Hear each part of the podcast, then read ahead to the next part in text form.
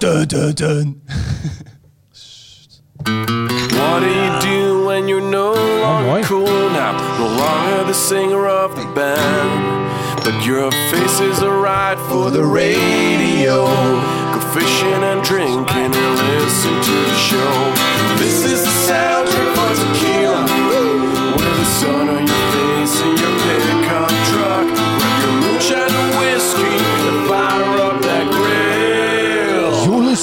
You're listening to Hit from the Windmill. This is a hit from the Windmill.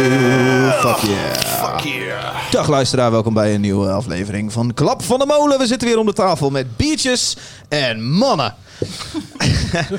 Martijn Groeneveld zit hier aan tafel. Alfred van Littenkuis zit hier aan tafel. En eh, wederom geen vrouwelijke gast, maar hij is hier toch echt wel. Emiel Landman. Hallo. Hey Emiel. Hey, hallo, hallo. Emiel. Ehm, hey Emiel. Als jouw eh, moeder met, jou, eh, met haar vriendinnen op stap is. ja, heerlijk. En die zeggen van, eh, die zoon van jou, hè, dat is een beetje, wat, wat, wat doet hij nou eigenlijk? Ja. Wat zegt je moeder dan? Oh, dan, dan denk ik dat zij heel trots alles vertelt wat ik de afgelopen tien jaar heb gedaan. En En dat- iedereen dan, ja, dat wordt dan, ik denk dat zij daar heel veel over te zeggen En heeft. als zij bij machten was geweest om dat in twee zinnen te kunnen doen, hoe zou ze dat dan zeggen? Eh, Ik probeer de luisteraar even op een hele speelse wijze met jouw kennis te laten maken. Ja, nee, nee. Mijn, nee, mijn moeder zegt dan eh, van, eh, dat, ik, dat ik mooie liedjes maak en dat ik muzikant ben. Ja, precies. Ja. Dat is wat jij doet. Jij maakt muziek. Ja. Eh, en het is wel grappig. Eh je doet dat heel vaak met een, eh, met een producer die hier ook aan tafel zit, Martijn Groeneveld. Studio ja. producer. Ja, studio, Studio producer. producer. ja. Ik denk, eh moet oppassen dat het geen Ons Kent Ons podcast wordt. Maar dit is gewoon eenmaal het geval, wat best wel vet is. En misschien ook wel een klein beetje uniek. Jij nooit schrijft eerder- veel het is- samen. maar het is nog nooit eerder voorgekomen dat een, eh, iemand waarmee ik zoveel werk hier naast me zit. Ja, Dus dat is de eerste keer in een jaar. leuk. Ja. Tof dat jij er bent, eh Emil. Nou, leuk om er te zijn. Ik, ik ben echt een trouwe luisteraar. Dus, eh, Maar dat is, ja, is toch zo? Ja, nee, serieus. Ik luister altijd. Ik vind het, ik vind het heel leuk om...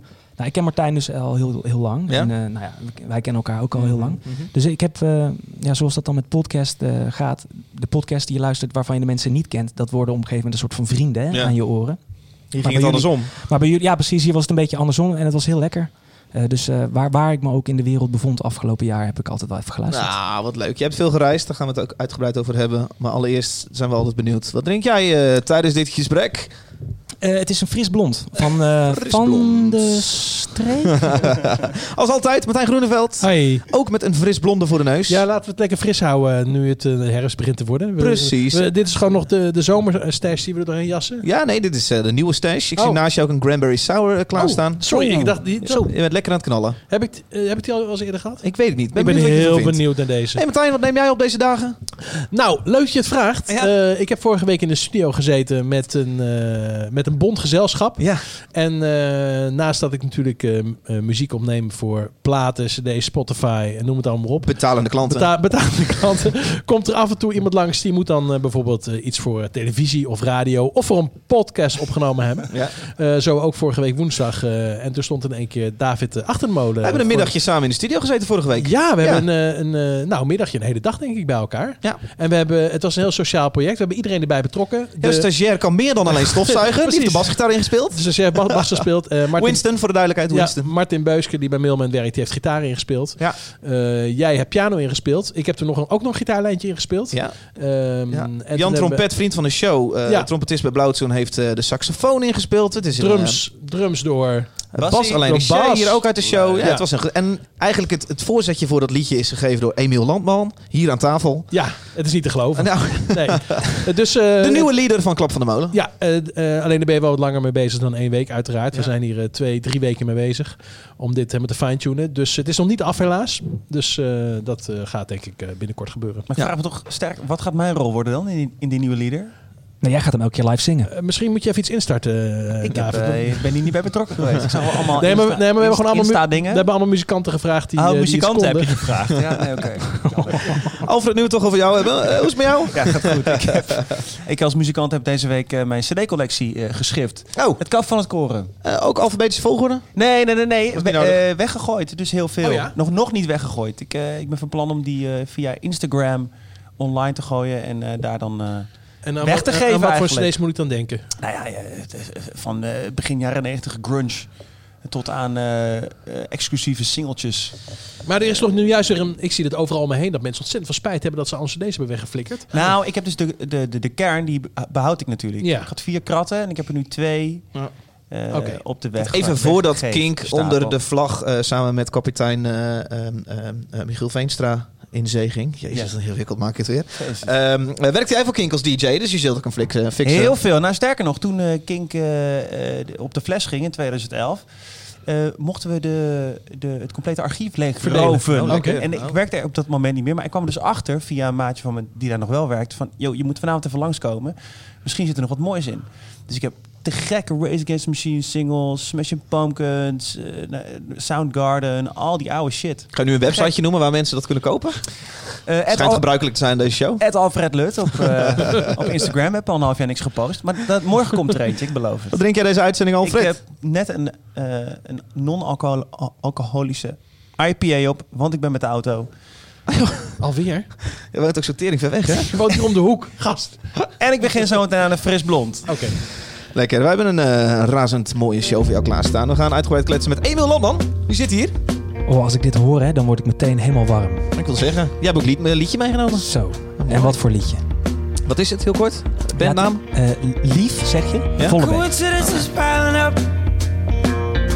Don't know if it's a sign. Sometimes you got no choice in the matter, and you gotta shake the tree of time. See, I finally found another that I'd like to introduce.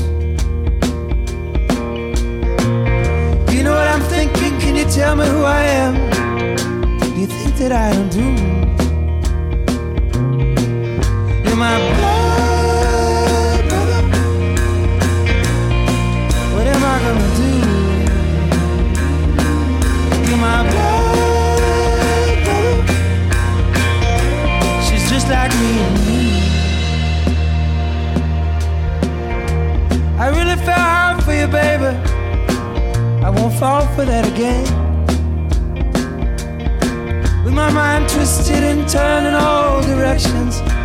till I don't know who I am. You know your lips whenever they kiss me, it's like a gun against my skin. But if ever they cut you down with a dagger, only I'd feel it going in. She's my blood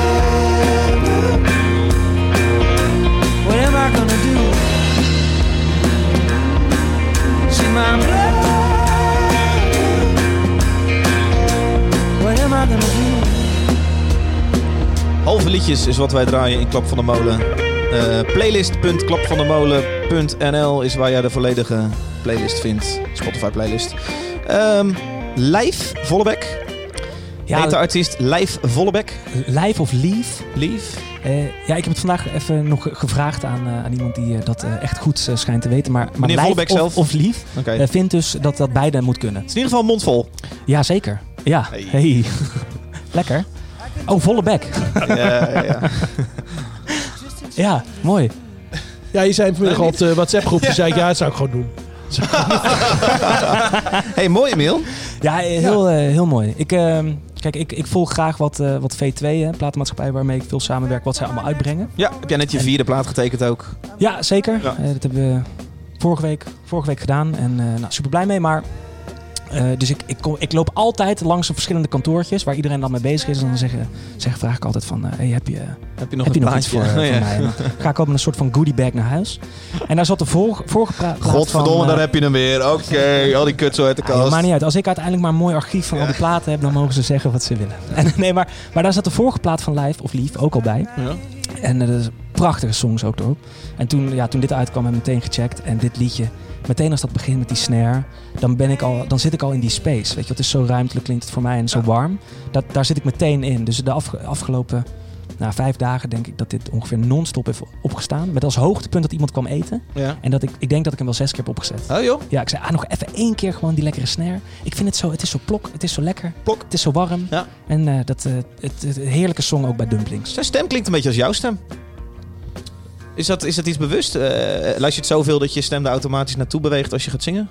Nou, nee. Zeg ik iets geks, jongens? Nou, behalve dat... eh, Dat deze track vijf dagen op mijn radar is. Ja, Ah, Oké. Dus nou, nee, ja, kijk, er, er is natuurlijk wel een soort van stereotype singer-songwriter mannenstem met gitarenmuziek, zeg maar. En, Voldoe jij daaraan? nou, in- in- voor mijzelf zie ik daar natuurlijk veel meer nuances in, omdat ik Mhm. ook gewoon als artiest en als singer-songwriter daar helemaal in zit. Maar ik kan me voorstellen dat vergelijkingen eh, enigszins makkelijker te maken zijn. Ja. Ja. Ja. Mooi. Kijk, je hebt ook heel vaak dat mensen dingen zeggen als van... eh, ja, mijn, mijn volgende plaat klinkt heel anders dan de vorige. Ja. Maar dat, dat vindt dan de buitenwereld nog dan wel meevallen Ja, bijvoorbeeld. ja nee, En, zeker. eh, en, maar dat is omdat je er zelf heel erg in zit. En dat je zelf ook van de ene artiest en de andere artiest misschien heel erg de verschillen wel hoort. Ja. Maar ja, daar ben je dan eh, ook de hele dag mee bezig. Ja. Mooi man. Mooi. Blijf volle bek. Liedje heet Blood Brother. Ehm, jongens, eh, rondje de actualiteiten. November ligt achter ons. Soort van, nog niet helemaal.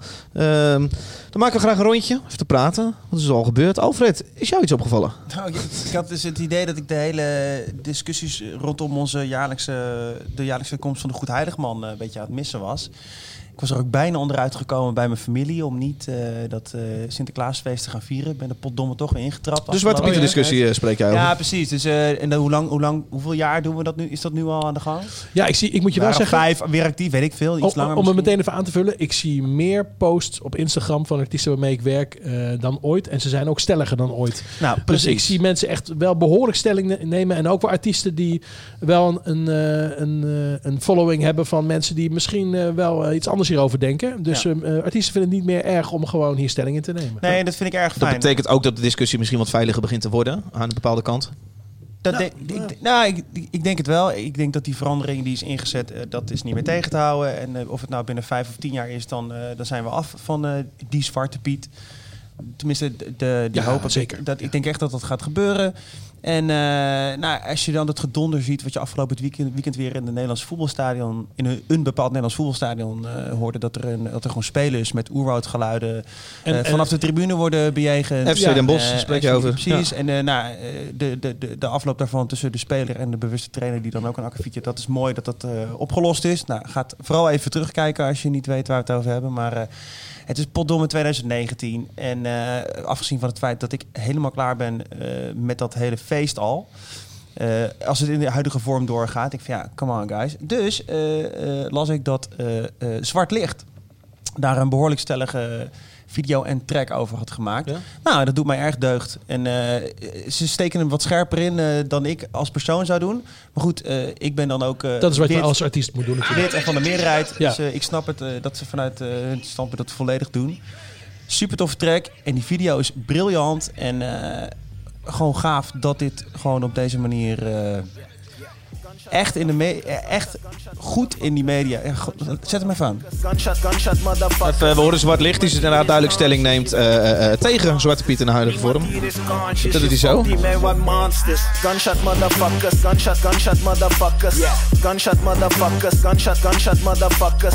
Niemand hier is conscious, je fuck die man wat monsters. Niemand hier is conscious, je fuck die man wat monsters. Sinds meneer voor dit is, weet ik niet echt wie ik moet trusten. Je beste mat, die kan je in een setup zetten als je hustelt. Fuck de straat hier alsof ik met mijn banen tussen bakstenen zit. Spreid mijn knowledge met mijn jongens in, dit is zo basic fit. Blakke man vallen, blakke man trekt volle zalen. Blakke man komt alles halen. Zelf je kleinkinderen hebben blakke man nu als vader. Integreer als ik penetreer. Bitch, ik interesseer als ik converseer. Ja, ik ben de man. Wat is de strekking van zijn, eh, wat hij doet? Maar nog steeds een kutneger als ik protesteer. Deze zin, dus nog- die zegt alles. Sorry, wat zei je wa- wat is in een notendop wat hij, eh, wat hij roept in deze, in deze video? Nou ja, waar, die video vooral over gaat, is dat er een aantal, eh, die gunshot, die zijn dan voor mensen die dan zwarte mensen hebben vermoord in het verleden. En wat ze daarmee zouden doen, daar hebben ze dan wat kogels voor gereserveerd. Nogmaals, ik vind het een scherpe boodschap die ik niet per se in- zelf in een liedje zou schrijven. Maar goed, dat, is, dat is een ander verhaal. Ik vind de zin, eh, als ik presteer, dan ben ik de man. En als ik eh, protesteer, dan ben ik die, die, eh, die, Ja. die motherfucker. En dat is natuurlijk waar. De helft van al onze sporters hebben, zijn Nederlander en hebben een andere achtergrond Ja. dan ik. en hebben geen witte huid, weet je. En dan is het fantastisch. En dan is het allemaal we. Totdat er inderdaad eh, een eh, pijnlijke gebruik vanuit de geschiedenis wordt aangekaart van eh, zullen we dat ver- veranderen? Ja. En dan is het land te klein. Ja, en eh, nee. Nou, ik vind het heel goed dat ze, dat ze dit doen. Het, maar het is natuurlijk wel een klein beetje preken voor eigen parochie. Want eh, de, de meeste mensen die zwart licht tof zullen vinden, zullen het ongetwijfeld met ze eens zijn. En eh, ik denk dat het wel gewoon veel meer zin heeft als een artiest zoals... eh, nou, ik zag van de week Thijs Boontjes. Die heeft toch een, eh, veel meer eh, een achtergrond, van, denk ik. Uh, fans. Roxanne Hazes. Precies. En, eh, ja. als, als zulke mensen echt daar Tuurlijk. tegen nemen, dat heeft natuurlijk nog veel meer zin. ja, Jan Smit. Oh ja, is die zo? eh? Nee, dat zou echt ja, lekker zijn. Dat die, dat eh, zou ja. heel goed zijn. Ja. Ja. het in die zin. toen- Ik ben geen zwart licht fan. En we zitten hier toch met vier witte Ja. mannen aan tafel. Ja. Dus het valt Ja. wel mee Ja. met je eigen Ik moet pro. zeggen dat ik me een beetje verbaas dat anno 2019 eh, dat het nog steeds. Ik, ik merk dat de discussie heel lang hard één kant op helt. Dat die daar gewoon allemaal ook al vijf jaar aan, aankomen. Zwarte Piet gaat verdwijnen. We krijgen de witte roetveegpiet. Ehm, ik verbaas me eigenlijk een beetje dat het, dat het nog wel zo lang duurt. Ja, maar dat dat er duurt nog zoveel dat- protest is. Dat duurt ook nog heel lang voordat dat echt... eh, ja. Ja, er zijn net toch heel veel mensen die het heel moeilijk vinden om van mening te veranderen. Terwijl, ja, ik, ik zat daar dus even over na te denken ook. En eigenlijk is het toch zo dat de periode waarin je in Sinterklaas gelooft maar heel kort is. Ja? Hè, ik bedoel, Ja. eh, voordat je drie bent heb je geen idee. Nee, En, op eh, je- nadat acht- je acht- zes bent, dan nou, is het, of ja, acht, Ietsje ouder, ja? denk ik. Ja, dan is het ook alweer klaar. Ja. Dus er is een soort van vier jaar periode waarin het voor kinderen ergens eh, Maar ja, relevant is of zo. Hè? Ja, maar dus deze- het is een compleet er ouder. over. Nee, hoeven dit maar- niet eens meer. Nee, toch? Nee, nee, nee. Maar inderdaad, ja, dit is bizar. Het is dan tof dat hij, dat hij wel tof dat hij het doet en tof dat meer artiesten Zeker. heftige stellingen eh, innemen. Zeker, wat dit betreft wel. Ja. Ehm, wat mij opviel is, Kensington dropt een album afgelopen vrijdag. Het album heet Time. En eigenlijk verbaas ik me al een paar jaar over het feit... eh eh, de Kensington lijkt een beetje de nieuwe Kane te worden. En dan heb ik het over mensen die, die, die een beetje bashen. Een beetje eh Kensington. Er wordt een beetje, een beetje lacherig over gedaan. Het is een beetje... eh, Art- artistiek bedoel je dan? Of wat bedoel ja, je? ik, ik, ik, ik zag een cd-winkel in Brabant. Daar, stond, daar heb je al die cd-bakken. En dan liggen ze netjes op letter. En er stond een bordje bij Kane, Kensington en dat soort meuk. En daarin Ja, zaten... dat, is- eh, dat vinden ze dan leuk om te doen natuurlijk. ik moet zeggen een beetje, dat ik een beetje verbaas of zo. Elke, elke band die in Nederland een soort van bepaalde grootte krijgt... wordt op een gegeven moment een beetje, een beetje, een beetje makkelijk over gedaan. Zo van, nou, dat is niet meer cool. Zo. Valt, valt het jullie op? Ben ik de enige? Voor mij is de grens vaak, eh, als je meedoet aan Vrienden van Amstel Live, dan eh, Dan ben je jou kwijt. Wel, wel een beetje. En niet, niet- en, en in, eh, niet als artiest breed. Hè? Ik bedoel, dat wil niet zeggen dat ik niet een liedje van, van een van die artiesten leuk, niet leuk kan vinden. Tuurlijk kan dat. Of dat het slecht is.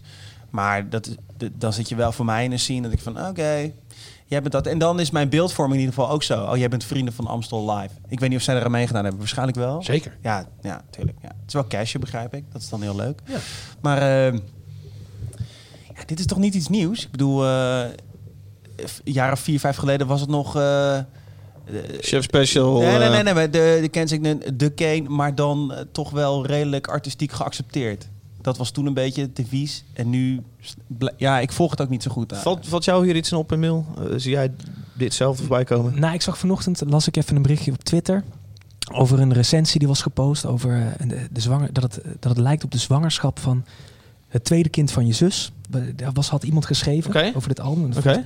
dacht ik van, oké, nou, ik ben- dat zal dan wel iets betekenen wat ik niet helemaal snap. Want, Oh, de, hier, hier hield het ook mee op. Oké. Ja, nou ja, dat was een soort van de strekking van, eh, van, eh, van dat ding. Nou, ik, ik heb Maar je bedoelt dat het gewoon eh, dat de spanning er wel af is. Nou, nee, dat, dat is wat iemand schreef Ja, ja, erover. Een recensent. Ik ben even kwijt wat de, wat de naam was. Mm. Maar nou, ik heb het er even door doorheen geskipt. En ja, sommige stukjes, daar kan ik dan van denken van... oh ja, dit is gewoon hoe, hoe Kensington dat doet. En dan ben ik daar niet door verrast bijvoorbeeld. Ja. Maar ik vind wel heel veel effecten in, in Bats, in die eerste song. Ja, dat vind ik gewoon heel tof. Dus daarin, daarin vind ik het gewoon Ja, tof. het is wel en- zo spannend als de Teletubbies. Dus het is niet dat ze eh, nu met hele vernieuwende vette dingen komen Nou, op toen, deze die, plaat. toen de eerste track uitkwam, toen eh, dacht ik wel, dit is echt heel wat anders dan ze hiervoor hebben gedaan. Alleen in de andere singles die ik hoorde, eh, vond ik toch dat iets meer tegen het ouderwetse Kensington aankruipen. En ze vinden zelf natuurlijk dat ze heel iets anders hebben gedaan. Maar ja, als luisteraar... Nee, ik vind het totaal misschien- niet hoor. Maar, Nee, ja. ik, vind, ik vind het ook wel meevallen, maar het is wel allemaal wat kleiner. Als je, ik, heb, ik heb vanmorgen ook het album even geluisterd en dan de hele tussentijd tussendoor getokkeld met de vorige twee albums om te kijken wat is nou het verschil. En je hoort wel dat het allemaal veel kleiner is opgezet Hm. en veel dynamischer. Eh, ik sprak vandaag toevallig iemand die eh, aan de achterkant van Kensington werkt en, eh, en ook heel veel daar aan de soundkant voorbereidt. En die zei ook dat het allemaal veel dynamischer is gedaan dan voorheen. Dus voorheen ehm, eh, ging soundwise die achterkant gewoon helemaal tot, het, tot, tot, Mm. tot, tot de top. Van begin tot einde helemaal doorknallen. En nu zitten er ook wel nummers in die gewoon rustig beginnen en pas naar, een, na, na het, het tweede coupletje pas een beetje beginnen uit te pakken. Dat is wel degelijk anders, ja. Ja. Ja. Dus en ik vind het goed dat ze elke keer toch weer wat anders doen. Ik bedoel, nu zijn ze in Canada geweest, de vorige keer in Ja. Italië. Eh, ik- laat ik het zo zeggen, ik hoor een, een soort zuurheid onder eh muzieksnops. eh, die volgens mij vooral eh, eh, eh, te wijten is aan het feit dat ze de Ziggo Dome heel gemakkelijk uitverkopen. En dat al jaren doen. Eh, Ja. En die zuurheid vind ik een beetje, een beetje onterecht. Want ik denk, ja, dat, Dat alleen maar gestoeld op het feit dat jij het niet meer stoel vindt. Omdat jij dit nou ontdekt hebt. Omdat je niet meer kan eh, identificeren met het soort fan of zo. Ja. Maar goed, over een maandje zit eh manager van Kensington hier, Oh. Cedric. Half december. Eh, laten we het hem eens vragen of het hem ook opvalt. Zeker. Oké. Nou, god. Gaan we door, toch? Eh, Nieuw liedje die uitkwam eh, vorige week vrijdag. Vond ik wel interessant. Trekken 0.0. Oh ja. Rico en Stix en de Staat. Ben en blijf heavyweight hard over beats. Flow als een vlinder, steek als erbij. Als een west ben, beter niet testen. 24-7 lauw om mijn bol. Mijn vrouwtje vraagt hoe hou je het vol? Ik zeg de harder they come, de harder they vol. Ik kom zo hard je valt flauw. Het lopen te klauw, irritant, vocalen op hout, haar op mijn tand, helemaal wauws. Ik heb een knetterharde panzerwagen voor jou. Recht in je face, je luistert niet naar je praat te veel. Doe wat je doet, doe wat je wil. 3, 2,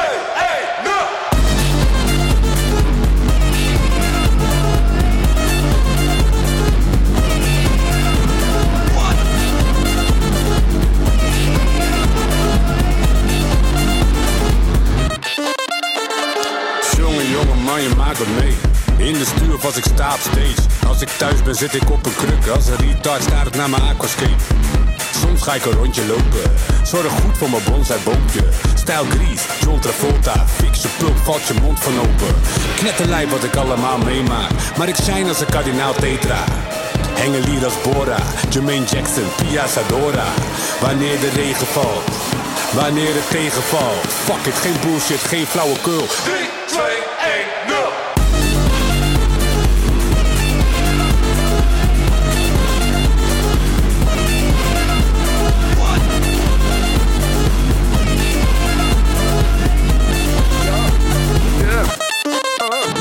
Yo, je wil niet weten wat ik allemaal zoal doe. Nu en dan roepen ze mij een halt toe. Ben een daredevil, Ben Affleck.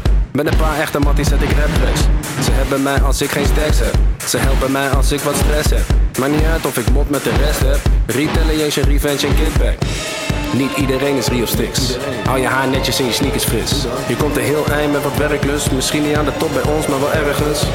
Ik doe dit voor later, wil mijn verse eindigen als riem met Ik vind het eh, heerlijk, David. Jongen is toch geen probleem.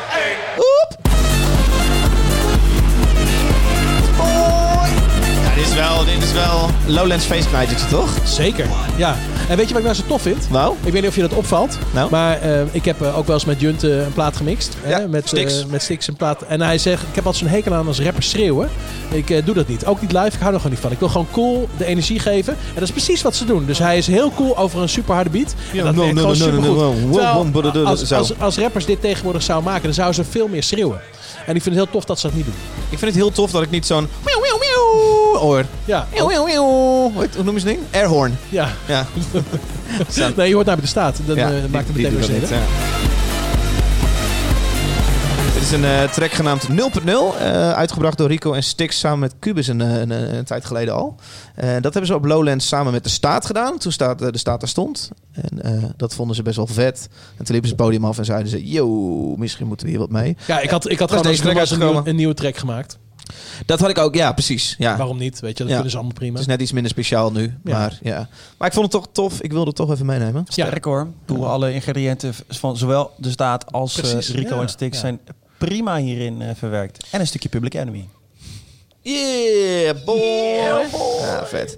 Jongens, eh, deze maand wat mij ook opviel. Ik kijk het niet zo vaak, maar de Voice of Holland. eh, Ja, ik heb toevallig vrijdag gemist. Wat ging ik toen doen? Oh ja, nou, nou Nados is dus op vrijdag. En vrijdag ga ik gewoon heel vaak gewoon Dingen doen. Ja, nou ja, gewoon naar de kroeg, zeg maar. Dus biertjes drinken. Dus ik zie het eigenlijk te weinig. Wat ik interessant vind, die, de auditiespel, show, hoe noem je dat? Auditieshows. Eh, eh, Blind auditions. Blind editions. Natuurlijk weinig, weinig nieuws, weinig spannends. Eh, dus van alle kleine veranderingetjes moeten ze het hebben. Eh, nu zag ik opeens een coverband in Voice of Holland. is dat, is nieuw? nou, dat is natuurlijk op zich wel logisch, want de- dat is natuurlijk precies wat je wil. De artiesten die er staan, die mogen alleen maar koffers zingen. Dan is het natuurlijk niets lo- logischer dan dat je er een coverband neerzet. Ja. Dus kijk, je moet natuurlijk niet te veel doen, want dan wordt het een beetje platte toestand. Maar ik, de Daredevils hebben we het in ieder geval over. Een beetje een platte toestand, maar Martijn. Het over de Voice of Holland hè? Ja, oh, oh, rustig. Het moet niet plat worden. Nee, maar ik laat een beetje opening, eh, opening voor discussie zometeen. Of het nou wel of niet plat is. Maar ehm, dit werkt natuurlijk heel goed. Je hebt een band die is gespecialiseerd in kofferspelen. Die speelde daar eh, eh, Maniac van, eh, wie, is, wie is het ook alweer? We hebben het over de band The Daredevils. Eh, En, eh, en ja, dat werkt natuurlijk heel goed. Dus ik denk dat dit nog veel beter gaat doen dan Neverone. Eh, ze worden hier hartstikke bekend van. En ze, spe- ze spelen natuurlijk al overal, eh, die, eh, die Daredevils. En nu zal het eh, alleen maar veel bekender worden. Ze hebben, ze hebben niet het probleem dat ze per se een eigen nummer er doorheen moeten jassen. Dus Nou, dat is alleen maar goed. vorig jaar inderdaad. los van Ja, dat ik me kapot heb geërgerd aan hun performance en praatjes om eh, dat ding heen, eh, vond ik het gewoon vooral opvallend, Alfred. Nee, ja, het is een coverprogramma. Dus dan als je daar een coverband in zet, dan is het inderdaad wel logisch. Ja, kijk, eh, het, is, het is net zoals eh, Expeditie Robinson. Eh, daar wil je als BN'er niet aan meedoen totdat er een paar, of te- tot, totdat er een paar hele coole mensen aan meedoen. En dan wil je wel meedoen. Dus vorig jaar zijn de eerste bands daarin toegelaten. Nou, toen is Neverone als enige tot de finale gekomen. Noemen we het Never nu heel cool? opeens? Nee, nee, nee, nee Oh. maar het heeft een goed precedent geschapen voor andere bands om nu eh, eh, in te stappen. Dat concept The Voice moet gewoon een nieuw beslag maken. Dus gaan ze bands uitnodigen. Eh, ja, ik denk dat het voor het... Wat is het, RTL? RTL 4, dat dat publiek het allemaal wel trekt. Als zo, oeh, dat is lekker eh, rocken met die jongens. Zullen Eh, die ook en allemaal denken dat ze een original spelen, per ongeluk? dat ze in de war raken. Nou, ik denk dat ze het concept inmiddels wel begrijpen. Is dat echt, mag je niet een original eh, spelen in nee, Voice nee, of nee, nee, nee, nee. Nou ja, in de finale vorig jaar mochten de drie finalisten dus een eigen single eh, spelen. Nou, ze hebben het liever niet Met natuurlijk. veel pijn en moeite. Men- mensen willen dat helemaal niet zien. Emiel, ik weet dat de volle bak gescout wordt voor dit soort programma's. Ja. Ben jij wel eens benaderd om, Tuurlijk. Zeker. om Ja. mee te doen aan de Voice of Zeker. Holland? Ja, oh, hoe gaat zoiets? Nou, dat, je eh, telefoon, onbekend nummer? Nee, ja. eh, kijk, het is ook niet één keer. Ik word daar wel, ik word wel eens vaker voor dit soort dingen benaderd. Serieus? Ja. Wil je dat gesprek eens opnemen alsjeblieft? Nou, de volgende keer dan zal Ah, ik het heerlijk. even, even opnemen. Ja. Nou, ik, had, ik heb ook wel een keer, een keer daar wat, wat langer op ingegaan. Dat ik dacht van, ik, ga wel, ik wil gewoon eens weten hoe dat dan precies Zou je werkt. dan betaald krijgen? Nou, kijk, al dit soort vragen heb ik natuurlijk. Ja. En ik vind het leuk om tegen iets ja of nee te zeggen. Kijk, in mijn hoofd zeggen, eh, weet ik dat ik nee ga zeggen. Maar ik vind het natuurlijk wel leuk om, om eh, dan een beetje te horen van hoe werkt dat dan? Dat is dan toch een beetje de, de onderzoeker in mij die dan denkt van, how does this work? Weet je wel? En wat kan je eventueel maken? Maar wacht even, jij leuk. krijgt een telefoontje. Hoe leggen ze dat dan uit? Nou ja, kijk, de- ik, ik wil daar niet te lang of zo op, eh, op, op ingaan. Maar Oh. kijk, je krijgt in principe, in mijn geval was het... bang dat je ik niet meer gebeld wordt? Nou, ik zou het wel weer leuk vinden hoor. Nee. nou, heel even om nog in te haken over die coverband. Wat waar, waar we misschien een beetje nog te snel overheen razen. Is dat normaal gesproken kijk je naar een artiest en die gaat dan na het winnen of na in de finale of na daaraan mee te doen een stap maken in zijn eigen carrière. En die moet daarna het publiek wat hij heeft ombuigen naar hey, kijk wat ik nu doe. En dat is dan vaak eigen Ja. werk of een Heb soort je vaak ongeveer carrière. vijf maanden tijd voor. En dan begint weer een nieuwe Idols of zo. Precies. En dat is Maar- niet, echt, maar niet wat- echt vaak gelukt natuurlijk. Hè? Nee, maar wat bij dit natuurlijk wel zo is, is echt wat je sees, what you get. Dus deze mensen Ja. spelen covers. Dus als je dit tof vindt om te zien en je Ja. kijkt eh, RTL 4, dus het is Boek ze in je feesttent. Nee, ja. dus, en ze gaan precies doen wat jij op tv ziet dat ze doet. En dat is dus ook wat zij doen. Dus het, is veel, het sluit veel meer aan bij wat dat programma eigenlijk wil. Want dat zijn ook echt entertainers. Kijk, ik zet mij in een battle en ik ga huilen in een hoekje. Dat is gewoon een beetje hoe ik zo'n battle zou aanpakken. Want dat is niet voor mij, Nee. snap je? Ja. Dus daarom is- past het programma ook niet bij mij. Nee. Maar er zijn mensen die kunnen en heel goed uithalen, doen een lekkere adlibs. Ze zien er prachtig uit. Dat is een tof programma Emiel, daarvoor. hoe word jij gevraagd voor de Voice of Holland praktisch? Krijg je een Nee, je telefoontje? krijgt gewoon een berichtje en dan eh, kan je met iemand afspreken. En dan ga je een keer langs en dan wil je het contract hebben. Dat krijg je niet. En dan, eh, dan, En dan, houdt het op. en dan zeggen ze, Oh. ja, John, John wil je heel graag. Of je ma- de uitzending ja, hebben. Ja, nee. kijk, persoonlijk eh, spelen. Maar en volgens mij is het wel zo dat bij iedereen die, eh, die, die gevraagd wordt. Volgens mij werkt het allemaal wel anders. Maar ik zou op een gegeven moment, nou, ik ben dan wel benieuwd hoe het er contractueel gezien uitziet. En toen mocht ik dat onder begeleiding Ja, dat was- een keer bekijken. Precies, ja, dat is natuurlijk niet de bedoeling dat je er meteen al het eerste gesprek daar een beetje moeilijk over zou doen. Dat, eh, ja, Nou ja, kijk, ik vind het gewoon niet zo tof om je tijd in iets te steken. Als je al weet dat je misschien toch eigenlijk liever niet wil. Dan wil ik gewoon weten, oké, wat is dan de deal? Ja. Want kijk, als je tien huizen koopt eh, over de hele wereld na één seizoen meedoen, dan kan je het nog eens een keer overwegen. Maar eh, ja, dat, Zou- zo is, sta ik er is, niet wat- in. is dat het omslagpunt, ja? Als Tien- je ti- tien ti- huizen? tien huizen kan kopen. Nou, dan denk Je ik krijgt- een, huisje minder, dan eh, ben ik ook wel overstag hoor. En ze geven jou twee ton om mee te doen. Daar heb je geen tien huizen voor, maar... eh, ik stap direct Nee, maar ik bedoel, eh, dat weet ik niet. Kijk, dan is Nou, het dat, weer... speelt, dat speelt ook helemaal niet. Kijk, dus dat ja, dat is niet een, een, een hypothese. Want dan zo van ja, dat gaat en niet gebeuren. En als het wel gebeurt, dan kan je er misschien ook nog wel het op zo'n manier iets van maken. Ik ben benieuwd op het, welk punt Emiel Lamman zijn ziel verkoopt. En Oh, dan- dat is ik het. zoek een headline voor deze podcast. nou, dan, dan ga je dus- ervan uit dat ik hem no- nog wel heb. Nou, het is natuurlijk gewoon ook technisch lastig. Kijk, als je, als je, als je Jannie van der Hoek vraagt, eh, die heeft natuurlijk geen platencontract. Maar als je artiesten gaat benaderen, die hebben natuurlijk gewoon contracten. En dan kun je wel eens eet, eetbol kunnen dat wel zeggen. uitkopen, toch? Nee, dan moet je dus als eetbol zeggen, je moet op van het contract af of wat dan ook. Dat maakt het natuurlijk meteen al een stuk ingewikkelder. Nee, maar daar werd eh, vorig jaar best wel eh, daar werd, goed mee omgegaan vanuit The Voice met betrekking tot Neverround. Oké. Die eh, werden niet in één keer Oké. van, eh, ja, je Ja. moet nu bij ons. Ja, Ja, Kijk, op een gegeven moment wordt die vijver natuurlijk ook weer leger. En dan Ja, met ja. meer mensen te maken die gewoon op andere voorwaarden misschien wel interesse hebben om zoiets te doen. Emiel, ik zag... ja. Sorry. Nee, nee, zeg je Ik zag een paar weken geleden zag ik een Facebook post van jou dat je de 25 miljoen eh, Spotify streams hebt behaald. Gefeliciteerd. Thanks. Gaaf. Eh, dan heb je zoiets toch ook niet meer nodig? Nou ja, je, dat weet je ook als, als muzikant. Is je, je carrière op verschillende aspecten bevindt zich. Ja. En eh, kijk, 25 miljoen streams Dus eh, wereldwijd, Is, is, is natuurlijk super leuk. Ja. En eh, daar, weet je wel, daar ben ik heel blij mee. Maar ik denk dat er één optreden bij de wereld, of sorry, bij The Voice. voor meer ticket sales staat dan, dan, Dan 25 dan- miljoen wereldwijde Ja. streams. Nou ja, in ieder geval wel in, in één regio. Want dit is Mhm. natuurlijk wereldwijd. Ja. Wat ik wel interessant vind, hoe kom je aan zoveel streams? Ja, dat is gewoon ontstaan. Dus één liedje, één liedje werd opgepakt. Dat, heette Our, dat liedje heet Our Bodies. Ja, ja. Dat eh, een jaar of drie geleden, denk ik, werd dat opgepakt in een, eh, in een grote playlist. ja, dus ja, een playlist inderdaad. Zeker, Ja, nee, ja. dat werd gewoon in Ja. een grote play- playlist eh, gezet. Welke? Dat durf ik zo. eh, Dat, Oh. weet, ik, dat, weet, ik, Oh, dat weet ik niet. Ja, sorry. Maar dat, dat weet ik niet. Ik weet wel dat dat toen echt begon te pieken. En toen, ja, toen, toen was het gewoon dat er eigenlijk elke keer dat ik merkte dat ik iets uitbracht, dat er ook liedjes van vroeger eh, werden beluisterd en in andere lijsten terechtkwamen. Dat werd een soort van meer een soort van sneeuwbaleffect. Ja.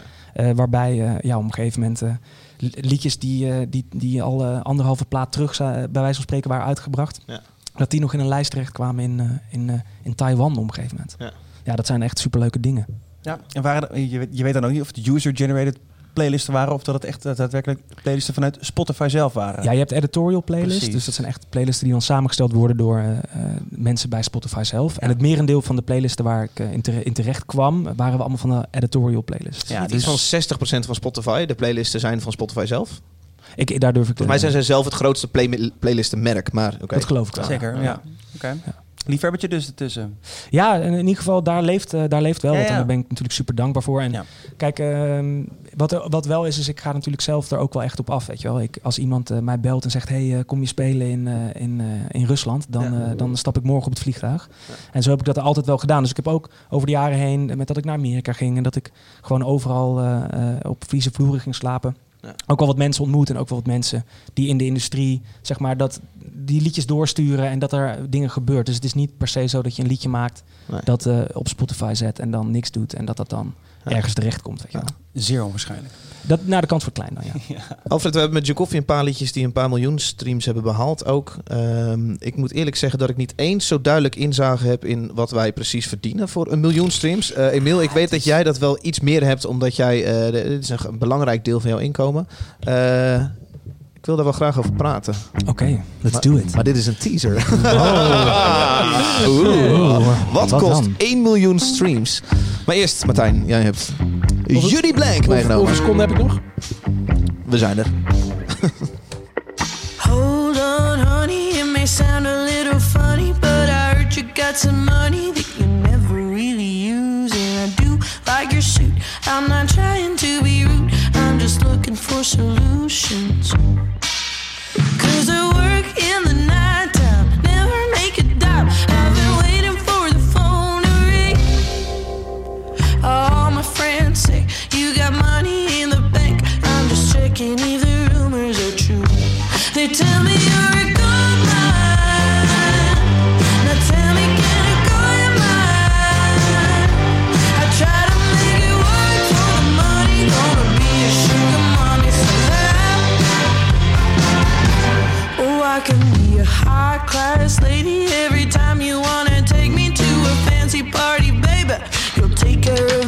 I need a 60s Cadillac.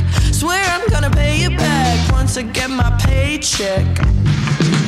I can sleep in the basement, practical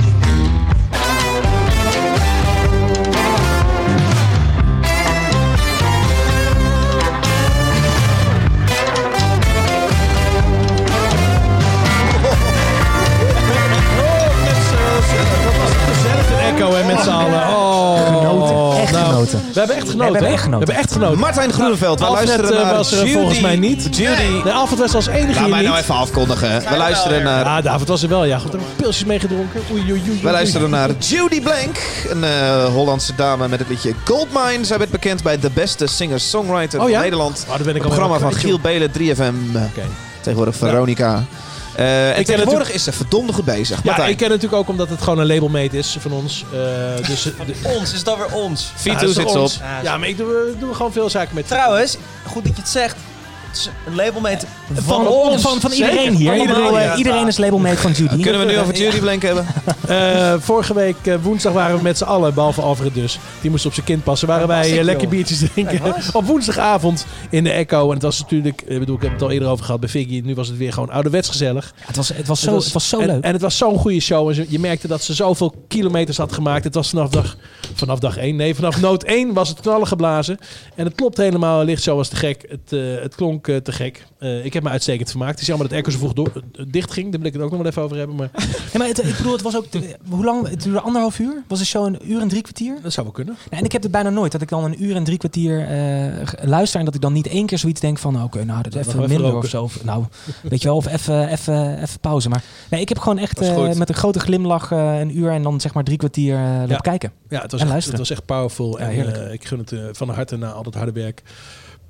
Dus heel tof. Ga die EP checken.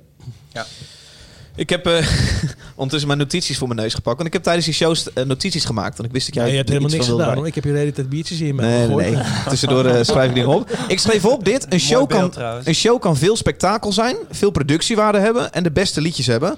Maar niks verslaat een artiest die heel veel gespeeld heeft, lekker in zijn vel zit en goed met het publiek om kan gaan. Jezus, Ja, precies volzin. dat. Judy ja. Blank. Nou. Ja. Ja, Het was echt, je kan zien dat zij ontzettend veel gespeeld heeft. Ze is veel, eh, veel eh, in Nashville geweest om te schrijven, maar ook om te spelen. Eh, ze is een band waarmee, waar ze goed op ingespeeld. ze zijn goed ingespeeld op elkaar. elkaar. Ehm, ik was echt onder de indruk van hoe, hoe lekker die show liep en hoe slim ze de set ook ingepakt had. Het ging op een gegeven moment in het midden, kreeg het een dipje. Kwamen er wat gas, ga- gastmensen, gastarbeiders mee. Geweldig. Ik Ja. heb van begin tot eind zijn genieten. Emiel, precies Ja, hetzelfde als jij. eh, vooral, vooral voor, mu- voor muziek die natuurlijk, eh, als je het uh, sec muzikaal eh, bekijkt, eh, niet natuurlijk eh, het, het nieuwste en het hotste eh, bovenaan Gewoon staat. country toch? Het is gewoon country, eh, maar dat kan soms dus eh, bijzonder lekker zijn. Zo, hef- heftig Dus blokje even ineens. Nou, Iedereen eh, had opeens wat te zeggen. Ja, ik was er niet bij. Ik vind alleen die EP gewoon briljant. Hebben we het er vorige week ook over gehad? Vorige keer. Eventjes vlug. Hebben we het hier al Of mocht toen niet? Ik weet het niet. Dat heb ik Volgens mij niet. Nee. Oké. Over twee weken hebben wij een eh, soort eindejaarslijstjes editie met een, paar, een aantal gasten die aanschuiven. Eén daarvan is Judy Blank. Ja, Dat is leuk. Leuk. Ja, benieuwd wat zij als hoogtepunt voor 2019 had. Ja. Nou, ik denk dat dat die show van vorige week was. Nee, dat weet ik niet trouwens. Ik weet ook helemaal niet wat of zij. Ik bedoel, misschien maakt zij natuurlijk wel waanzinnige dingen in Nashville mee. En is dat natuurlijk het hoogtepunt in haar carrière. Nou ja, kijk, eh, dingen die wij zien, eh, die zien wij eh, op de socials. Maar er kan Ja. natuurlijk een soort van artistiek eh, proces ook zijn gebeurd. Waarvan je iets hoort en denkt, jeetje, dat, eh, dit zocht Ja. ik al mijn hele leven. Dat kan natuurlijk ook heel impactvol zijn. Dus jullie gaan erachter komen. Eh, Spotify streams eh, hadden wij het over. Eh Emiel, 25 miljoen gepasseerd. Ja, eh, zo'n stream. eh, dit is, dit is, is dit een belangrijk deel van jouw inkomsten? Of zeg jij nee, dat blijft nog steeds vooral live? Nou, voor mij is eh, streaming wel een onderdeel ervan, zeker ja. Is dat 50% of zo? Hoe, dat heb ik eigenlijk nooit zo berekend. Nee. Maar eh, ik denk minder dan 50%, maar eh, wel, meer dan, eh, Ja. wel meer dan 30. Ja. Nee, ik gooi hem natuurlijk heel flauw even als clickbait. eh, Ja, Martijn lip, ik las Martijn's lip even. 40 Oh, zegt hij. Nee, wat, 43? Nee, ik ben heel snel in het rekenen. Wat? Het is 40, eh, Emiel. Oh, oké, nou, thanks, man, Martijn, thanks, ja. ja. Nee, ik gooi hem natuurlijk heel flauw als clickbait eh, teasertje op. Maar eh, het is natuurlijk wel interessant. Als een, als een band begint eh, en hij heeft iets succes... en heeft misschien een totaal van een miljoen streams op Spotify... wat ben je dan ongeveer waard? Wat zijn jouw streams ongeveer waard? Eh, heb jij paraat wat één stream ongeveer doet? Nou, eh, v- 0,4 cent in Net- eurocent. Ja, een halve cent één stream. Ja, net iets Zoiets. minder dan dat. Ja, Het is natuurlijk, het is natuurlijk niet per se. eh, eh, volgens mij is er ook een verschil tussen of je een geabonneerde eh, luisteraar bent of een. Ja, free of er iemand luistert naar Emiel Landman met een abonnement. Of eh, iemand die reclames ziet en gratis luistert. Precies, er dat- zijn- er zijn allemaal iets Jij meer verdient meer op iemand met een abonnement. Ik geloof dat dat zo werkt. Dan wordt ja. het Dus er 0,6 zijn- cent bijvoorbeeld. Ja, dat zou heel goed kunnen. en eh, misschien dat het iets 0,06. minder, minder wordt als iemand eh, niet betalend is. Dus er zijn, er zijn vers- verschillende variaties, eh, variaties in. Dus het is ook niet een heel helder of een heel duidelijk eh, eh, getal. Hè. Dus je, aan het eind van de dag kan je niet even op je, op je bank zitten en even de calculator erbij halen en zeggen van eh, zo mooi, dan ga ik Maar toch weer grofweg wel toch? Ik bedoel, het- dan is het eh 400, 450 piek voor, eh voor 100.000 streams. Volgens mij is dat wel redelijk een... eh, Ja, Ja, dus zeg dat je dus 4 4 5.000 euro op je bankrekening geschreven krijgt als je een miljoen streams behaalt. Ja, dus ik, ik vind het dan fijn om naar beneden te kijken, omdat niet alles. ehm, kijk, dat is, zo krijg je vaak de, de verwarring ook. Is dat de afspraken die er zijn gemaakt, die weet je natuurlijk. Achter de deuren weet je die niet. Dus je weet, je weet wel wat Spotify naar buiten, buiten brengt. Hè, en die zegt dan van, nou, we betalen dit jaar zoveel eh, voor eh, streams die eh, van abonnees zijn en zoveel van eh, niet betaalde eh, abonnees. Nou, en er ligt ook nog aan eh, wat de platenmaatschappij natuurlijk voor een deal heeft met Precies, dus maar wat er dan, wat er dan daarachter dus zich nog afspeelt, dat, dat weet je niet. Hè? Dus dat is bij elke artiest anders. En dan is er ook nog gewoon een deel wat eh, betaald wordt via Buma voor het online gebruik. En dat gaat eigenlijk naar de, naar de schrijvers. Dus reken je dat er dan bij, ja of nee? Eh, Dat moet je dan een beetje voor jezelf bepalen. Kijk, ik schrijf het merendeel van mijn muziek allemaal zelf. Eh, met de uitzondering van eh, nou echt eh, een paar liedjes. Ja. Dus ik kan dat deel natuurlijk redelijk snel erbij rekenen. Maar dat komt niet eh, op mijn bankrekening via mijn, mijn label statement. Hè, zoals jullie dat eh, ook krijgen. Maar dat Ja. komt dan weer via Buma. Komt dat dan weer. Ehm, dit is een heel essentieel onderdeel van jouw bestaan als muzikant. Helaas. Want je wil misschien wel gewoon het liefst met muziek maken bezig zijn. Maar ja, je bent ook een bedrijf genaamd Emiel Landman. Eh, vind je het leuk om met dit soort dingen bezig te zijn? Nou, jij zegt helaas. En toen zat ik meteen te denken van... oh, is dat dan het woord wat ik ervoor zou kiezen? Oké. Wat Want zou jij kiezen? Nou, eh, eh, ergens ook gelukkig. Mhm. Want ehm, het geeft mij dus juist heel veel ruimte om heel veel met muziek bezig te zijn. Dus wat je veel ziet als je eh, van... Ik weet niet hoe dat voor jou was, maar hoeveel liedjes en hoeveel tijd had je om te schrijven toen je, weet je wel, 100 shows deed in een hele korte tijd. Dan wordt het ook gewoon heel veel herhalen van het materiaal wat je Mhm. hebt. Kijk, ik zou wel, wat ik voor mezelf wel heel tof zou vinden, is om iets meer op festivals te spelen. Iets meer publiek te trekken bij clubshows. Weet je wel, dat, dat vind ik ook, dat moet ook mijn doel en mijn missie zijn in Nederland. Ja. Weet je wel? Ik bedoel, ik ben een relatief onbekende, voor de grote publiek relatief onbekende artiest. Ja. Ja, en daar bouw ik graag aan, vind ik hartstikke leuk. En daar zie ik ook veel stappen. Maar het is heel fijn dat eh, Spotify mij al zeg maar een, een soort van backing geeft. waarin ik gewoon heel veel studiodagen kan gebruiken. Of gewoon wat relaxed eraan eh, een schrijfproces in kan gaan. Met het idee van: cool, wat wil ik nou echt maken? Zonder dat ik denk van: oké, ik heb zoveel shows eh, dan. Ik heb dan één dagje om te schrijven. Mhm. Eh, weet je wel, ik kan echt nadenken over wat voor sound ik wil doen. En, ja, en hoe ik dat wil uitrollen. Dus dat is, vind ik juist een heel groot voordeel. omdat je daarmee gewoon iets meer een soort van. financieel incentive hebt om ook weer iets heel tofs te maken. Dus er zit gewoon dan net iets meer budget achter. En dat is wel heel lekker. Ja. Kijk, en ook naar labels toe, als je gewoon goed gestreamd wordt. Dan kan je daar natuurlijk ook gewoon een iets makkelijker afspraak over maken. En ja, dat helpt ook wel mee. Hoe werkt het bij een label? Ik kan me voorstellen, eh, jij hoeft niet al je rechten weg te tekenen. eh, want je, hebt al, je zit al op een bepaald niveau of zo. Ehm, eh, kun je dan wat meer eisen? Je, je zult denk ik niet voor vijf platen je rechten allemaal weggetekend hebben. Voor vijf platen? Ja, weet ik veel. Nee, nee, nee, nee, nee zeker niet. Ehm, ja, nee, ik, ik vind sowieso dat je, dat je daarin eh, redelijk conservatief kan zijn. En ik, ik zou nooit voor, voor eh, tenminste als beginnende band zou ik nooit voor veel platen tekenen.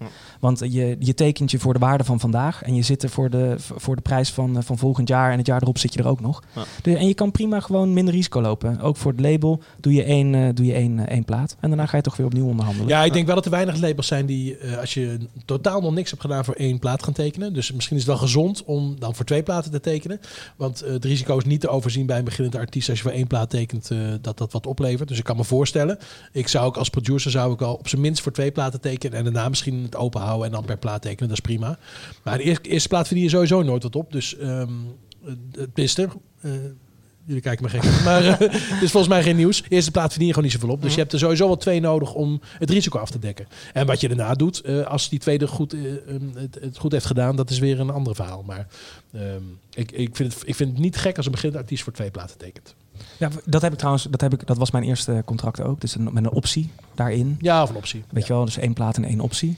En daarna kan je... Kijk, wat, wat dus wel heel leuk is aan die Spotify streams... is dat de, de informatie die beschikbaar is voor labels... dat is ook informatie die je als artiest gewoon redelijk makkelijk kan opzoeken. Ja, ehm, Dus- of de mannen of vrouwen voornamelijk luisteren. Wat de leeftijdscategorie is waarin je beluisterd wordt. Ja. Waar je beluisterd wordt. Ja, zeker. En eh, er is, ze hebben ook een, eh, dat is ook wel geinig, er is ook een soort van vergelijkingsfunctie. Hè. Dan log je in en dan eh, dat, bij Spotify voor Artist.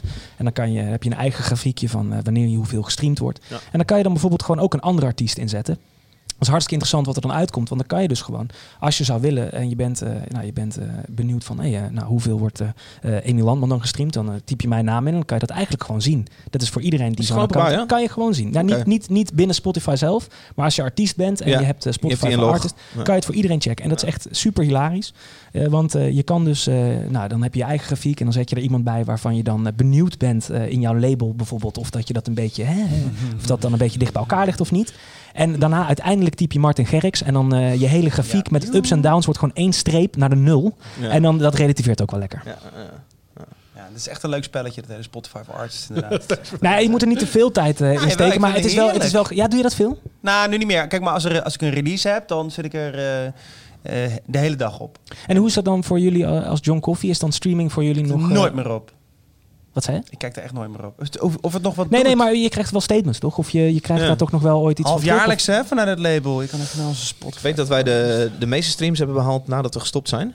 Dat was omdat we opeens in Zuid-Amerika ontdekt werden. Nee, Opeens joh. werden de- Nee, dat was tijdens onze... de top. Nee, dit is, dit is net na. Nou, oké. De top, de top vijf. eh, Heerlijk dit. de top vijf populairste steden waren allemaal eh, Zuid-Amerikaanse steden. Dat is te Ja. gek. En kon, Ja. je dat, kon je dat ook zeg maar eh, naar iets eh, herleiden? Was er dan één eh, lijst of Playlist, zo? ja, ja, fitness playlist. Een fitness playlist. Pumping Iron, er staan allemaal, allemaal rock dingen in. En dan stonden wij tussen de Iron Maidens en de, Met de Metallica's. Eh, Ja, maar dit is dus leuk, hè? Ik, ik, op- ik open mijn eh, Spotify voor Artists. Die Ja. staat niet op John Coffee, maar die staat op Tusky. En dan zijn er nu... Oh, hij springt van vijf naar zes people listening right now. Dat is toch Dus op sick? dit moment... Op dit, hij sp- en hij springt van de vijf naar de zes. hè. Ik zal Dus- hem uitzetten. Ik zal hem uitzetten. Ja, dus- dus stel je kijkt nu live mee. Ja, ik kijk dus- nu live mee. Nee, ja, dus jij, maar ik bedoel de kijker. De kijker op, eh op We YouTube. zitten live op Dus- YouTube. Ik laat het Hè? even zien op YouTube, tuurlijk. Yep. Nee, maar dan kunnen we er misschien nog even zeven van maken. Dat zou wel vet zijn.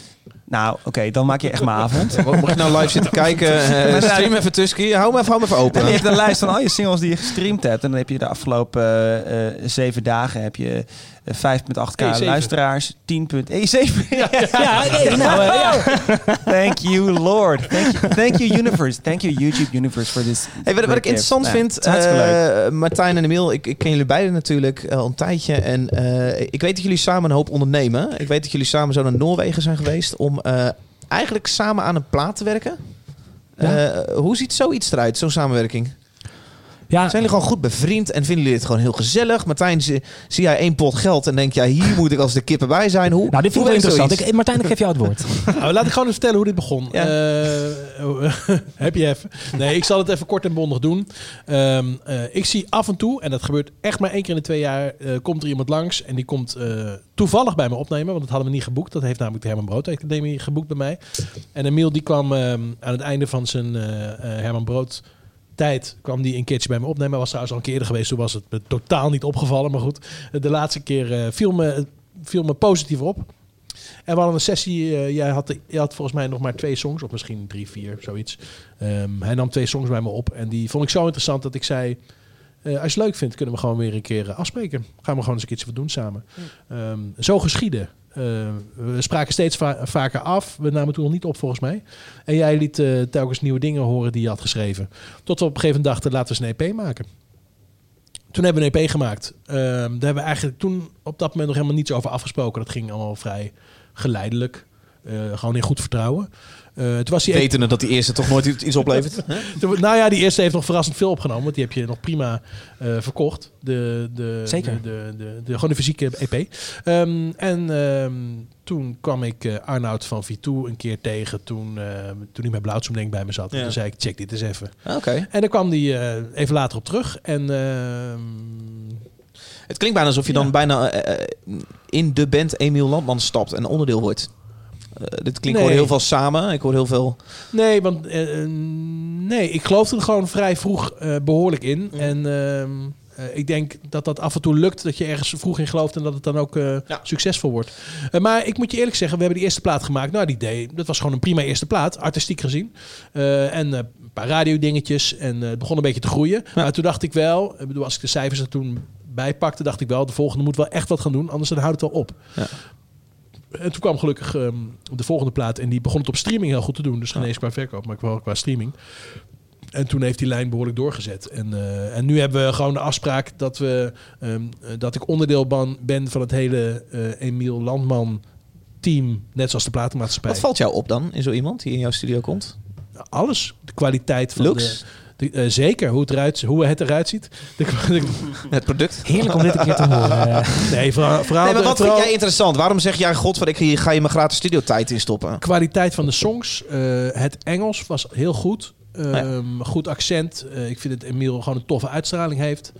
Ehm, ik zag eh, ontzettend veel ambitie toen al, over hoe die erover praten. Ja. En, en natuurlijk de groei, de mogelijkheden. Want Ja. als, ik een, als ik iemand zie waarvan ik, bij, waar- waarvan ik denk, nou, ja, die schrijft nog twee van zulke songs en dan is het afgelopen, Ja. dan, dan vind ik het niet interessant. Maar als ik vooral groei zie. Dus ik vind het ook goed om een, om een lange relatie met een, eh, met, eh, met een muzikant te hebben waar ik mee werk. Dus ik vind het ook fijn om met iemand gewoon zes platen in tien jaar te maken. Dat heb ik met, eh, met veel bands gedaan. Met Blauwtsum ook en met Emiel ook. En dat is, eh, ja, dat werkt voor mij heel goed. Ik denk dat je samen heel erg kan groeien. Ja, en, als je, en dat je op een gegeven moment dan in Noorwegen in een huisje eindigt en daar eh, eh, eh, samen een plaat maakt midden in de sneeuw. Dat is dan daar een Ja, uitkomst jullie hebben daar de plaat gemaakt, correct me if I'm wrong, Winter Sommer. Zeg Zeker, ik het goed? Zeker. Een plaat die gebaseerd is op zowel een dagversie als een nachtversie. Ja. Eh, hoe gaat zoiets in zijn werk? Jij neemt je meest basis opnamekitje mee. Jij hebt een paar liedjes geschreven, Emiel. Of je hebt wat ideeën. Of die wil je vooral daarop doen. Ja, Ja, volgens mij zijn, Nou- we, zijn we daar wel redelijk blanco in gegaan. Je had, je, had, je had bijna nog niks. En we hadden eigenlijk alleen maar gewoon drie tassen met spullen. Dat was Ja, het. We hadden drie gitaren, drie gitaren mee. Ja, eh, Ja, het was ook, twee hila- speakers. het was ook hilarisch. Ik ga nog even één, ding tussendoor vertellen. Het was hilarisch. Want normaal als je met een gitaar bij Schiphol aankomt... dan, zijn, dan worden ze een beetje zagrijnig. Van, Ja. dan moet je met die gitaren gedoe. En we kwamen dus... eh, ik had twee gitaren op mijn rug. Jij denk ik eentje. We hadden ook nog volle trolleys met shit. En dan ook twee koffers helemaal vol met opnameapparatuur. We kwamen daar, we kwamen daar aan. En waar dat normaal alleen maar glazen is... ik weet niet hoe Emiel het voor elkaar krijgt... maar het was echt twee keer glimlachen naar die stewardess... en we konden overal doorlopen. En, eh, en dat gebeurde niet één keer, maar dat gebeurde gewoon de hele tijd. Het was gewoon een beetje glimlachen. En dan kwamen wij in een vlucht, die was helemaal volgeboekt. Gingen we als eerste naar binnen. Legden we zo die gitaren zo bovenin. Kon niemand meer zijn koffers daar kwijt. Ja, ik vond het hilarisch. Ik dacht, dat wordt natuurlijk alleen maar gezeik. Ja, maar kijk, ik heb heel veel gevlogen met gitaren. En voor iedereen die wel eens vliegt met gitaren, alle airlines die hebben allemaal, die vinden het allemaal niet fijn. Maar er is niemand die ooit echt een harde keuze maakt van dit mag niet. Dus als iemand bij de incheckbalie zegt, hey, die gitaar die moet je wel inchecken. Dan zeg je, ja dat is goed, die hand carry ik dan wel even naar de gate. En dan zeggen zij, oh, oh top, geeft hij hem daar af. Prima. Dus die zegt, is goed, laten we hem door. Dus bij de security doen ze er ook niet moeilijk over. Dan kom je bij het vliegtuig. Maar ja, dan weet niemand meer dat je Nee. hebt gezegd, ik hand carry die wel en dan geef ik hem af. En dat labeltje heb je er al lang afgetrokken. Nou ja, weet je, of ik vraag nog even: hey, heb jij nog zo'n eh hand luggage eh, dingetje? Dus dat werd op een gegeven moment voor mij wel iets waar ik. Eh, eh, glijden, waar hè? deze inderdaad. En ik zit, ik zit Nou, alleen maar te denken, want ik... eh, het vetste was- het is vetste wel, was- Het is wel een verschil of dat je jou eh, dan, hè, met je mooie blauwe ogen en je... Hey, Nou, jongens, eh, heb je nog zo'n handeltje? Of dat je vijf eh, hele lelijke witte mannen voor je neemt Ja. met snorren die dan met... Die in één keer vijf gitaar. Nee, het ik heb mooiste- er altijd gezeik mee Het gehad. mooiste was, eh, ik had ooit een keer een soort van eh, tourcation, hè, dus dan een soort van vakantie slash tour in Amerika. Tourcation? Tourcation. Dus dan speel je dus eh, bij, bij, met je vrienden. Pak hem aan, half. Nee, nee, nee, nee, nee, nee, dat is mooi. Nee, dat is maar mooi. ik Ik bedoel, je boekt een soort van eh, vakantie, en, maar je gaat dan heel veel spelen en dan hoop je dat het geen, eh, geen euro's kost, toch? Ja. Dus dat is gaaf. Even heel even, dan, dan heb je geen green card eh, op zak volgens mij. Nee, nou, nee. Ja. nee. nee. Nee, daar, daar, dat, is, dat is ook het deel eh, Cation, zeg maar. Ja, dus, eh, nee, eh, maar nou, de hele tour hadden iets van 17 shows. Allemaal boekenwinkeltjes en cd-winkeltjes en eh coffeeshops en eh, underground eh, dingen. En ik had met eh, de jongens waarmee ik dit deed afgesproken van... oké, als we winst eh, hebben, weet je wel... eh, eh, als dat dan ooit gebeurt, dan delen we het gewoon. Als er verlies is, dan neem ik het wel. Want alle promo komt ook bij mij terecht. Dus alle leuke Ja. foto's. Dus weet je wel, het verlies pak ik dan. Nou, uiteindelijk hadden we dan 500 euro verlies. En toen zat ik op, op het vliegveld. Ik was in- gevlogen via Duitsland. Want ik had nog drie shows in Duitsland ervoor. Dus de rest was al daar. En toen kwam ik via Duitsland. En toen werd er omgeroepen, toen ik aan het wachten werd, werd er omgeroepen van... ja, this flight is overbooked. Does somebody uh, want to give up their ticket? En toen, ik dacht, dit is, dit is mijn kans. Dus ik loop naar, naar de balie. Ik zeg, ja, eh, kijk, als het echt niet anders kan... dan kan ik wel niet naar Duitsland vliegen, maar misschien ergens anders heen. Heb je nog wat, eh, wat eh, vrij? Toen zeiden zij, nou, er gaat nog een vliegtuig naar Amsterdam. Toen zei ik, shit, dat komt echt super slecht uit. Ja, dat kan ik wel doen. Maar dan moet ik, dan moet ik, zou ik dan wel vet vinden als ik iets van een compensatie nog kan krijgen. En toen zeiden zij, ja, hoe klinkt 500 euro? Toen zei ik, nou, en iets te eten. maar en toen was dus toch nog die hele vakantie eh, break-even. Dat was toch gaaf? Nou, En je, en kwam lekker in Amsterdam aan. Dus En ik kwam lekker in. Amsterdam, dus dat was een voordeel. Maar dat ho- hoefde hun niet te weten. Totdat ik zeg maar mijn paspoort gaf aan hun. Om, eh, om dan eh, dat om te laten boeken. En toen stonden ze, er staat er dus geboorteplaats staat Amsterdam. en toen was het wel een soort van, you smart motherfucker. Oh, ja, En ja, ja. nou, dus moest ik lachen. Maar even over Winterzomer nog. Ja, de, de Noorwegen. Ehm, kijk, ik had... Jullie gingen met z'n tweeën die kant op. Ja, Martijn en ik hadden toen al twee platen gemaakt in zijn studio. Eh, plus een EP in zijn studio daarvoor. Dus ik was heel erg op zoek naar een andere ervaring. En ik wilde gewoon in de, winter, of in de winter, in het donker en in de zomer, in, wanneer het alleen maar licht is, iets opnemen.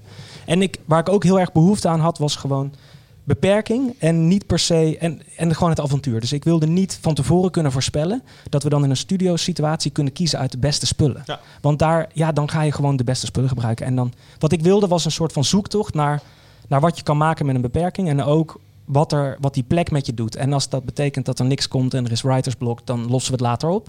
Eh, maar in eerste instantie was ik gewoon heel erg benieuwd naar dat artistieke proces, wat dat zou doen. Dus ja, dan kreeg je de situatie dat wij daar aankwamen. En eerst, eh, dat was dan in de wintersessie. Toen kwamen we daar aan in een huisje. Nou, eh, heel koud was het al en helemaal donker en heel, heel veel sneeuw. En toen hebben we het hele huisje verbouwd in een soort van control room, live room-achtige setting. En ehm, ja, toen, toen, toen zijn we gewoon begonnen. En toen hebben we meteen die eerste nacht hebben we, hebben een liedje opgenomen. Dat heet Falling. En eh er was meteen een soort van moment van magie. Want mijn gitaar die was het stemmen. En de, de laagste snaar is normaal een E-snaar. Die stond helemaal naar B. Dus die was ook heel laag. Dus een soort van hybride basgitaar. Akoestische gitaarsound. En eh, Martijn bleef maar zeggen, nog een keer, nog een keer. Nee, dat gaan we nog een keer dubbelen. Nee, we hebben nu vijf, maar we gaan nog een keer doen. Ja, zeven, ja, te gek. En ik had geen idee. Totdat ik een soort van dat terughoorde op die speakertjes. En dacht van, hé, dit is wel echt een vibe. En... ehm, en, eh, ja, en zo gingen we dat dus verder uit, aankleden. Want dat gitaar, dat is redelijk safe, weet je wel. Dat kan je meenemen, dat kan je... Dat, ja, we weten allemaal hoe dat klinkt. Maar dan ga je aan de invulling werken. En toen hadden we... Nou, een kickdrum zou wel lekker zijn. En die vonden we met een houten lepel op het randje van mijn matras waar ik op sliep. Ja, ik weet niet eh, of je hem eh, makkelijk kan vinden. Falling. Ja. Eh, dat werd dit. Ja. Ja, dat was dus de eerste avond toen we daar aankwamen. Dus ik kwam met die riff aan. Die dan zo, zo meteen gaat horen. Deze. En die lage snaar die ik hoor, dit is jouw, gewoon jouw, jouw gitaar Ja, snaar de, allerlaagste, de allerlaagste is een octaver met een elektrische gitaar.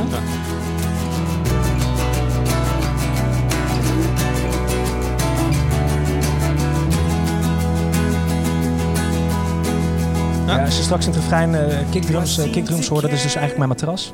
Oké. En eh, zo... Die hoor ik ook echt of hebben jullie later in de studio wel beter Nee, opgenomen? Nee, nee, nee. nee, want ik kijk, hoor jullie echt op die eerste nacht hoor ik jullie Ja. die opname. Nee, ik ik vind, ik vind het niet zo tof om helemaal naar Noorwegen te gaan. eh, om dan daarna sounds te trekken uit je laptop. Ja. Want dan zou je daar nog heen kunnen gaan voor de omgeving of wat het met je doet.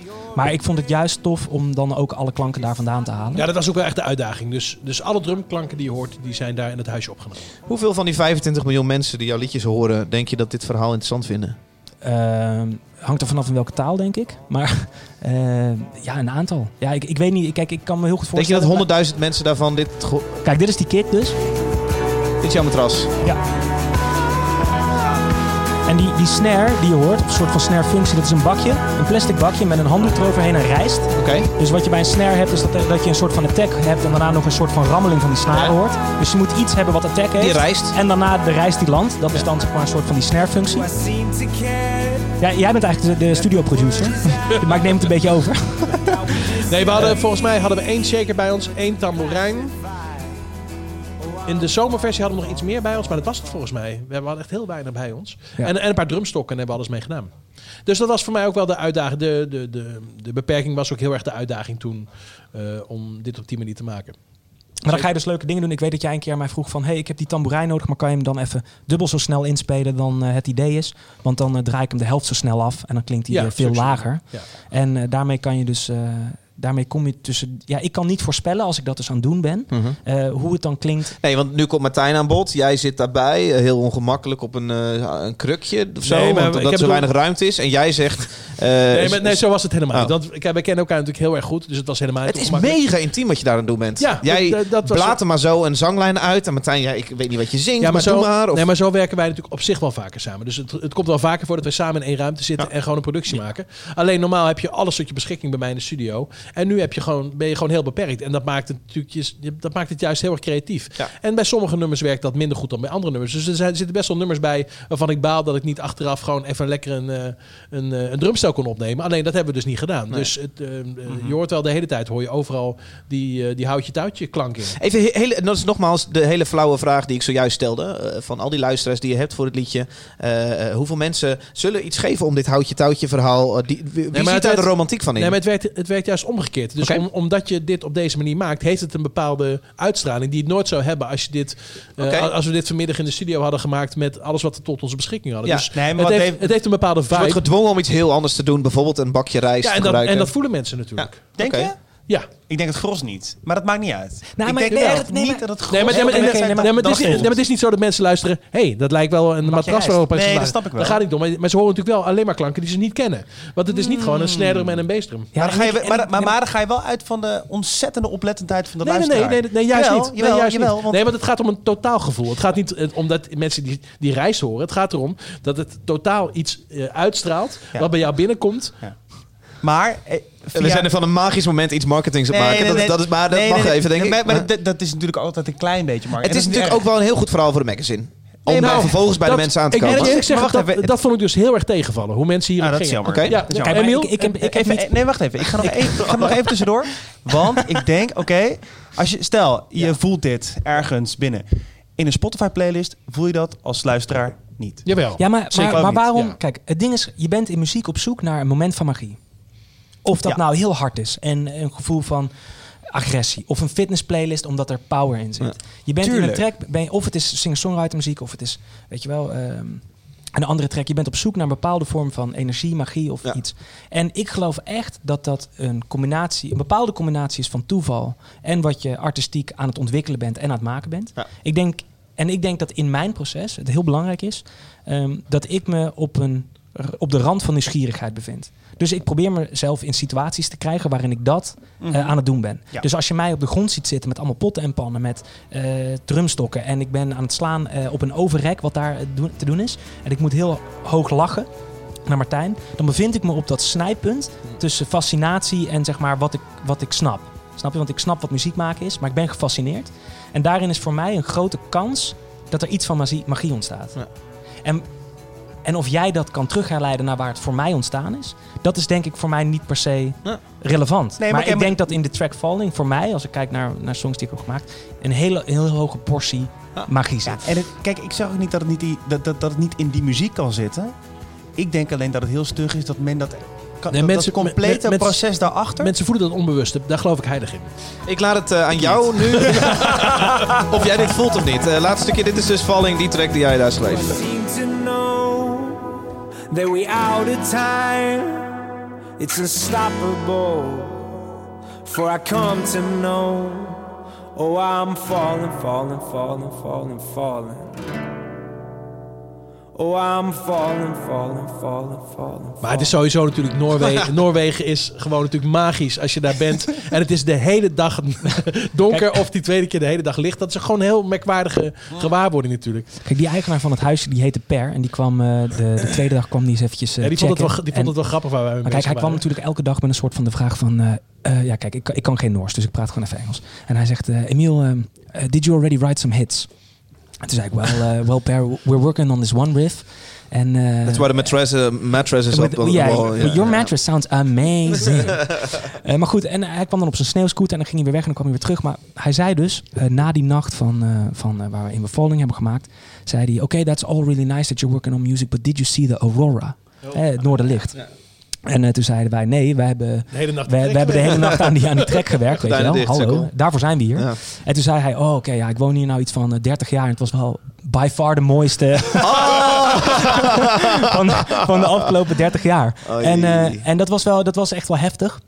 Want wij kregen foto's te zien van de buren. En nog iets, even, dat is wel heel belangrijk dat alle luisteraars dat terwijl weten. jullie zouden te zweten opvallen in die nacht. Ja, maar kijk, dus of je het nou eh, kan horen, ja of nee, dat eh, mag je ook weer zelf eh, destilleren. Ja. Maar de- die track is voor mij gewoon omringd door magie. En dat dit erbij zit, is Ja. onderdeel daarvan. Ja. En wat nog grappiger is, is het zat daar vol ook met, eh, met, eh, met mensen uit, eh, Azië. uit Azië. Ja. En, ehm, eh, en wij op een gegeven moment van, ja, wat is dat dan? hè? En die gingen dan, ook, eh, die gingen dan ook af en toe naar buiten en zo. Maar voor de rest zag je ze eigenlijk helemaal niet in de uh, huisjes hier omheen. Dus toen vroegen wij aan Per, is Per, what's, uh, what's going on? Is there a lot of K-pop uh, recordings going on uh, uh, in Norway uh, these days? En zei hij, nee, uh, if you make babies underneath the aurora, it will turn out to be very smart babies.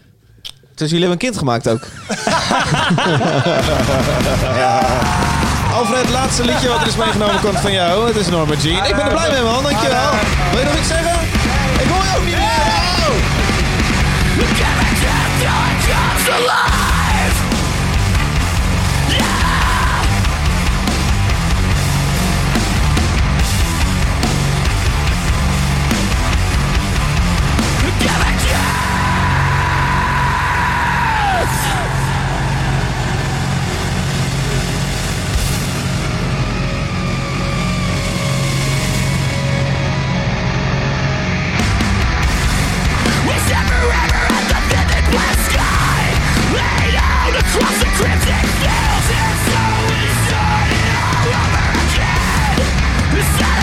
Eh, Norma Jean, Alfred.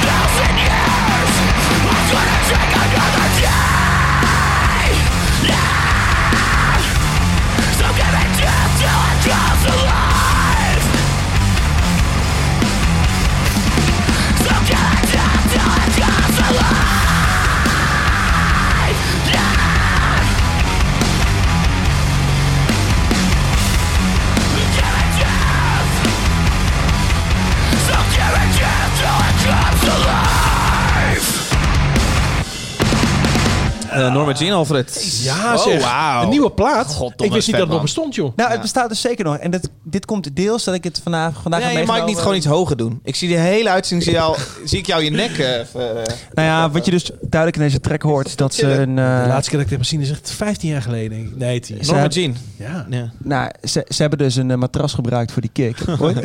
Goed verhaal. Ik kon het niet horen, maar ik voelde het wel.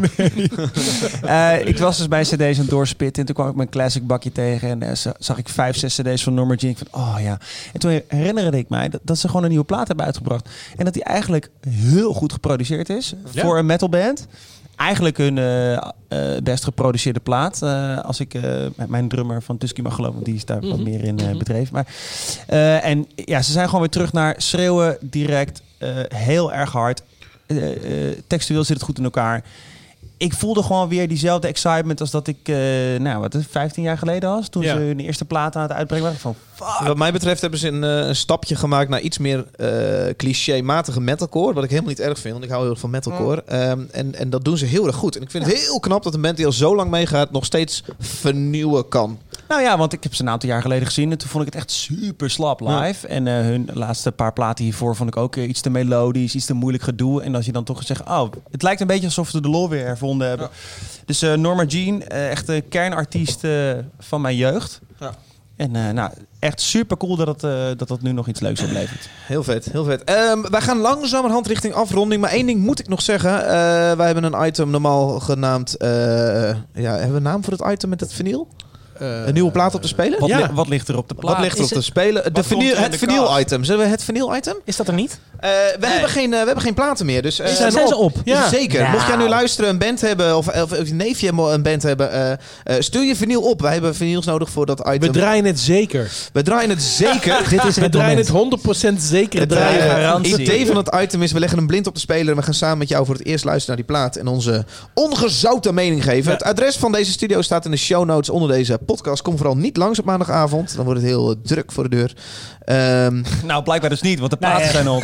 maar de platen zijn op. Maar goed, eh, Misschien stuur, hem, je stuur niet, hem op. misschien had je niet moeten zeggen dat we je maandagavond opnemen. En als je voor woensdag opstuurt, dan zijn we louter positief over je plaat. Ja. Dat, dat doen wij niet moeilijk over. Emiel, de laatste wat ik nog wat ik je, eh, aan je wil vragen. Want ja, meneertje geweertje, hè? Ik, ja, ik vraag me al jaren af wat, je, wat dat toch is.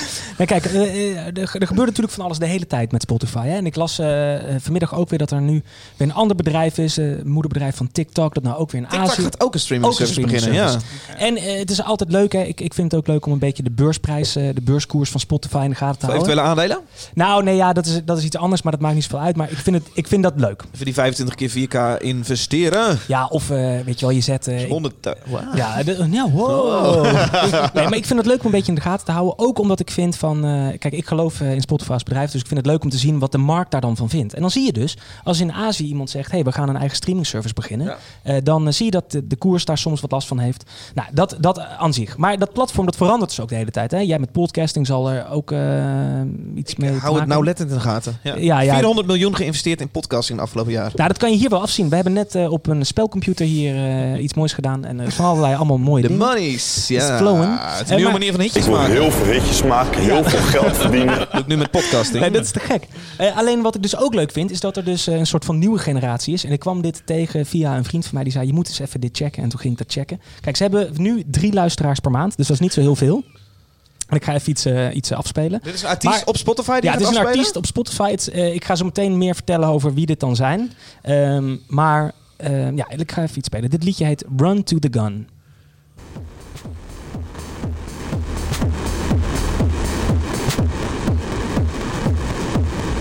Oké.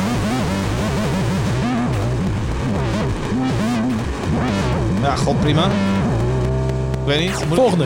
Volgende, cola saus. Cola saus. Goeie titel ook, hè?